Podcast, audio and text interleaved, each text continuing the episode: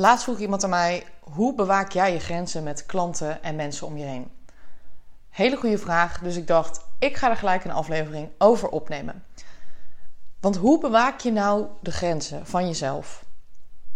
En ik denk dat we het allemaal wel eens hebben meegemaakt dat iemand, waarschijnlijk een klant, over je grenzen is heen gegaan. Nou, deze specifieke vraag was gericht op een situatie waarbij ze aangaf dat de klant ja, te veel tijd van haar vroeg en dat ze het heel lastig vond om dat met haar te communiceren. Wat begrijpelijk is. Ik bedoel, zeker als je nog niet heel lang onderneemt, heb je vaak het gevoel dat je moet pleasen. Dat klant is koning, jij moet alles doen, want ze betalen jou. En daarvoor mag jij dus niet je grenzen bewaken. Wat dus grote bullshit is.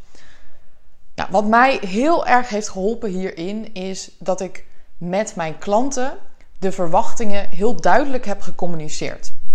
En wat bedoel ik daarmee? Is dat op het moment dat je met iemand in gesprek raakt over een eventuele samenwerking, of op het moment dat de klant bij jou instapt, dat je dan al heel duidelijk met die klant communiceert wat ze van jou kunnen verwachten.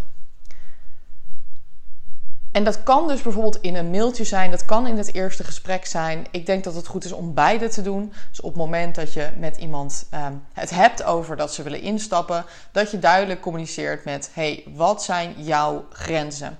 En vaak, die grenzen gaan vaak in: wat doe jij voor iemand? Uh, hoeveel tijd besteed je aan iemand? Hoe vaak mogen ze jou bellen? Ehm, mogen ze je überhaupt bellen? Of heb je een ander systeem waarmee je werkt? Nou, ik zal even uh, mijn beleid, ik noem het even beleid, uitleggen. Uh, misschien kan je daar wat uithalen om voor jezelf ook nu te gaan aanpassen, zodat je die grenzen beter kunt bewaken. Want het gaat dus heel erg over verwachtingen, verwachtingen van je klant. Op het moment dat jij dit niet bespreekt, dan denk, denken mensen soms dat ze alles kunnen doen, want je hebt het ook niet aangegeven. Jij hebt niet gezegd: hey, dit zijn mijn grenzen en hier mag je niet overheen. Wat heel normaal is, wat we in het dagelijks leven wel ook gewoon doen. Maar in business vinden we dat dan vaak moeilijk.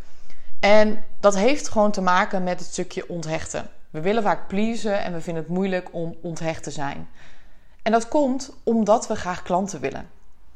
Als jij aan jezelf merkt dat je heel graag deze klant wilt, dan is het veel moeilijker om je grenzen aan te geven. Omdat je misschien bang bent dat ze weggaan, of dat ze niet met je in zee gaan, of dat ze daarna zeggen: Nou, dan stop ik ermee. Maar juist door je grenzen aan te geven en door de verwachtingen anders te maken, dwing je respect af. Als jij dat dus wel doet, dan is dat een heel goed teken. En dat is ook alleen maar fijn voor jouw klanten of potentiële klanten waar ze aan toe zijn. Weet je, er zijn geen verrassingen. Ze nemen je ook veel serieuzer als jij wel je grenzen aangeeft. Dus doe dat juist. Dat zorgt er alleen maar voor dat je een betere samenwerking met jouw klant hebt. Nou, even terug naar wat ik dus doe. In het salesgesprek wat ik heb, geef ik ongeveer aan het einde, waarin ik uitleg hoe mijn traject eruit ziet, geef ik aan wat ze van mij kunnen verwachten qua support. Dat ze mij 24-5, want ik zeg nooit 24-7, want daar geloof ik gewoon niet in. En dit zeg ik ook letterlijk. 24-5 mag je mij appen. Ze krijgen mijn zakelijke telefoonnummer, dus niet mijn privénummer. Ik heb twee losse nummers. En daar mogen ze mij altijd appen met hun problemen, met de issues waar ze tegenaan lopen. Vragen mogen ze stellen. En dan zal ik mijn best doen. Dus ik beloof niet, maar ik zal mijn best doen om dat binnen 24 uur te beantwoorden. er zullen uitzonderingen zijn, maar ik probeer altijd binnen 24 uur dat te beantwoorden. Wat ik ook aangeef is dat in de avonden, dus ik werk van 10 tot 5, ben ik bereikbaar in principe. Maar in de avonden en in de weekenden, dan reageer ik over het algemeen niet. En dat weten mijn klanten ook. Dan reageer ik op maandag weer of de volgende dag. Ik ben daarin ook redelijk flexibel en ik ja, geef ook wel iets meer. Dus ik zeg vaak op het moment dat ze mij appen en ik heb er nu geen tijd voor, dan zeg ik dat even. hey, ik stuur je later een bericht terug. Of ik stuur je morgen een berichtje terug zodat ze ook weten waar ze aan toe zijn en dat ze niet denken, oh ze reageert niet. Maar over het algemeen weten mijn klanten dit ook wel na een periode dat ik dat doe. Nou, dat zorgt er dus voor dat klanten precies weten: oké, je reageert ongeveer binnen deze bepaalde tijd. Uh, of je hebt het wel gezien, maar je reageert later. Zo zijn er dus, is er geen verwarring over oh, ze, negeert me. Of waarom reageert ze nu niet binnen een uur? Omdat de verwachtingen van elke klant anders zijn. De ene klant verwacht namelijk dat jij wel binnen een uur reageert en de ander niet. Op het moment dat je dat dus meteen communiceert met je klant, dan is dat duidelijk. Nou, dat is dus een van de dingen die ik aangeef. Het tweede wat ik aangeef is dat als ze een vraag hebben, dat ze dit ook concreet moeten stellen. Ze mogen van mij alles delen, maar dat ze daarna nog even concreet ook de vraag, ja, soort als een samenvatting op het einde nog een keer vertellen.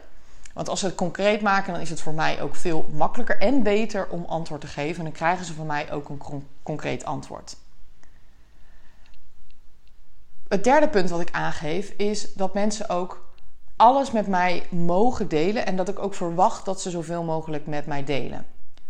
Op het moment dat het dus bijvoorbeeld niet goed gaat in het leven van mijn klant op een ander vlak dan in business, mogen ze dit ook met mij delen. En dan weet ik namelijk ook waarom er bijvoorbeeld bepaalde acties niet zijn uitgevoerd. Maar ook in business, juist die struggles zijn namelijk een heel groot deel van het proces. En op het moment dat ik niet weet wat er bij jou speelt in je leven, dan kan ik je daar ook niet bij helpen.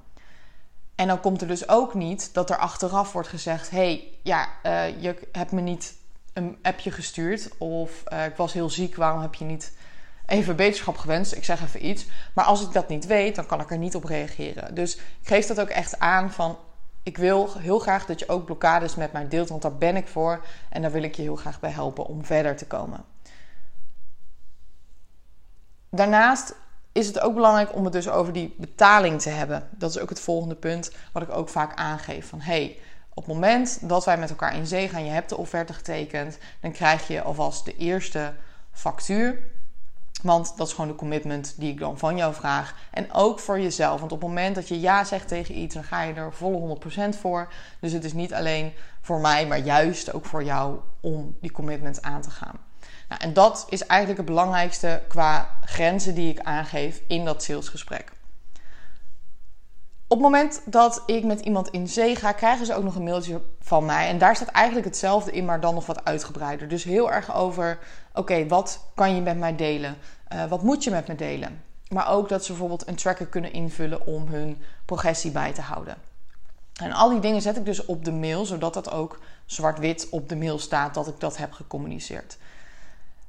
En dit zorgde er echt voor dat ik veel minder problemen tussen aanhalingstekens met mijn klanten kreeg. Omdat ze ook wisten waar ze aan toe waren. En dit is iets wat je dus ook voor jezelf kunt gaan maken om een soort onboarding te maken voor iedereen waarmee je gaat werken. En daarin ook duidelijk je grenzen aan te geven. En ik denk dat dat ook minder moeilijk is dan dat je dat één op één zegt. En dat je dat bijvoorbeeld in een mailtje of een documentje, wat je gewoon standaard bij je offerte of bij je factuur stuurt. Of vooraan als je even een samenvatting van je samenwerking op de mail wil zetten. Zou ik dat er gewoon bij doen. Gewoon even vertellen van hé, hey, nou zo gaan we te werk. Zo ziet het er ongeveer uit de komende maanden.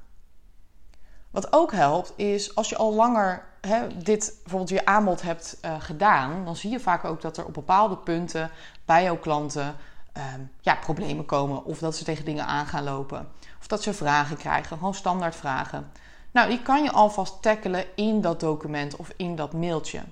Wat er bij mij bijvoorbeeld heel vaak gebeurt, is dat na een periode, dan merken ze dat het ergens niet lekker loopt. Dan gaan ze heel goed aan de slag en dan uh, gaan ze alles doen wat ik zeg. En daarna komen ze ineens achter van: oh ja, ja, maar ik wil het eigenlijk toch ook anders doen. Ik wil niet alles helemaal precies overnemen. En dan voelen ze um, dat ze misschien ook niet genoeg uithalen. Uh, dat ze het gevoel hebben dat ze nog meer moeten doen. En dan komen ze ook echt bij mij van... Debra, zeg maar wat ik moet doen.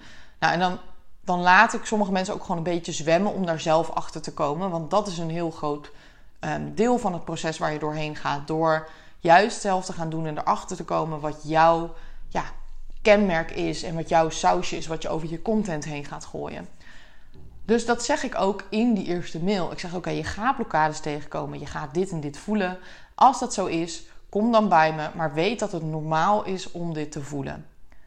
Dan zijn je klanten erop voorbereid. Dus ook veel gestelde vragen die mensen hebben tijdens uh, je samenwerking die je hebt. Tackle die alvast. Geef er alvast antwoord op. En dan kan je er ook altijd naar terug verwijzen op het moment dat ze bij je komen. Maar wat vooral belangrijk is, is dat op het moment dat ze dat voelen, dat ze weten: oh, dit is normaal dit heeft ze al gezegd toen we gingen samenwerken. Oké, Ik hoef me er geen zorgen over te maken. En je kan het er nog over hebben. Maar het is niet zo dat ze dan helemaal in de frustratie schieten. Omdat ze ineens voelen: oh, maar ehm, wat moet ik nu doen? Dus dat helpt ook heel erg. Dus helder communiceren uh, bij de aanvang van je samenwerking. Dus het is vooral belangrijk dat je open en eerlijk bent. En dat kan je dus beter van tevoren doen dan dat je dat achteraf doet. Je beter van tevoren zeggen: Oké, dit gaan we doen, zo gaat het eruit zien. En op het moment dat er daarna die dingen opspelen, dan heb je het al verteld. Dus je moet ook wel wat meer gaan onthechten en minder gaan pleasen. En dat is ook oefenen. Dat is in het begin lastig. Voel je misschien een weerstand? Vind je spannend om je grenzen aan te geven? Maar uiteindelijk moet je het ook zo zien dat het voor jou veel fijner is, maar ook voor je klant. En stel dat iemand zegt aan het begin, op het moment dat jij je grenzen aangeeft, van hé, hey, maar ik ben het hier niet mee eens. Prima.